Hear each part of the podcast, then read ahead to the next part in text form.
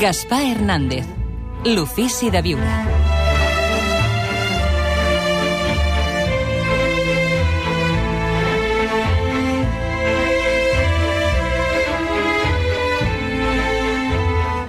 I com cada diumenge, també avui el bloc de notes d'Àlex Rovira. Què tal, Àlex? Molt bon dia. Bon diumenge. Molt bon dia, Gaspar. Bon Algun diumenge. aforisme que fa referència també a la visita del papa.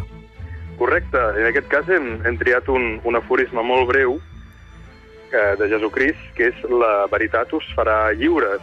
I sobre això ens agradaria fer una, una breu reflexió, no? Nosaltres podem construir la nostra existència des de la reflexió, des de l'autoqüestionament. No està més recordar que la paraula eh, veritat ve del llatí verus, que vol dir veritable, i que se'n deriven paraules com versemblant, verificable, verificar, investigar, i per tant aquest aforisme que, que va deixar Jesús ens porta a qüestionar-nos, no?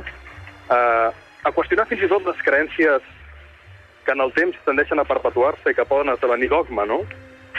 Probablement podríem dir que hi ha dos, dos tipus d'església, no? L'església que han fet els homes, l'església de les jerarquies, l'església dogmàtica, aquella església que quan visites Sant Pere del Vaticà et preguntes si això correspon al vot de pobresa, doncs no és d'estranyar que passi el que passa amb el vot de castedat, per exemple, o l'església que va proposar aquell home lliure, que probablement si tornés acabaria pitjor i més aviat del que va acabar fa 2.000 anys, que potser representen altres romans com el Pere Casaldàliga i d'altres, i que estan basades en, en la caritat, en la humilitat, en el compromís, amb l'amor veritable i en la recerca d'aquesta veritat, d'aquest camí de recerca, d'autoqüestionament, de, la, de, de neteja i de, i d'alliberament de la pròpia consciència, dels dogmes, dels tabús i dels clixés que de vegades hem empassat i que ens han condicionat tant al llarg de la història. No? És el comentari setmanal a l'ofici de viure de l'amic Àlex Rovira, també avui relacionat amb l'actualitat. Àlex, moltíssimes gràcies, que acabis de passar un bon diumenge.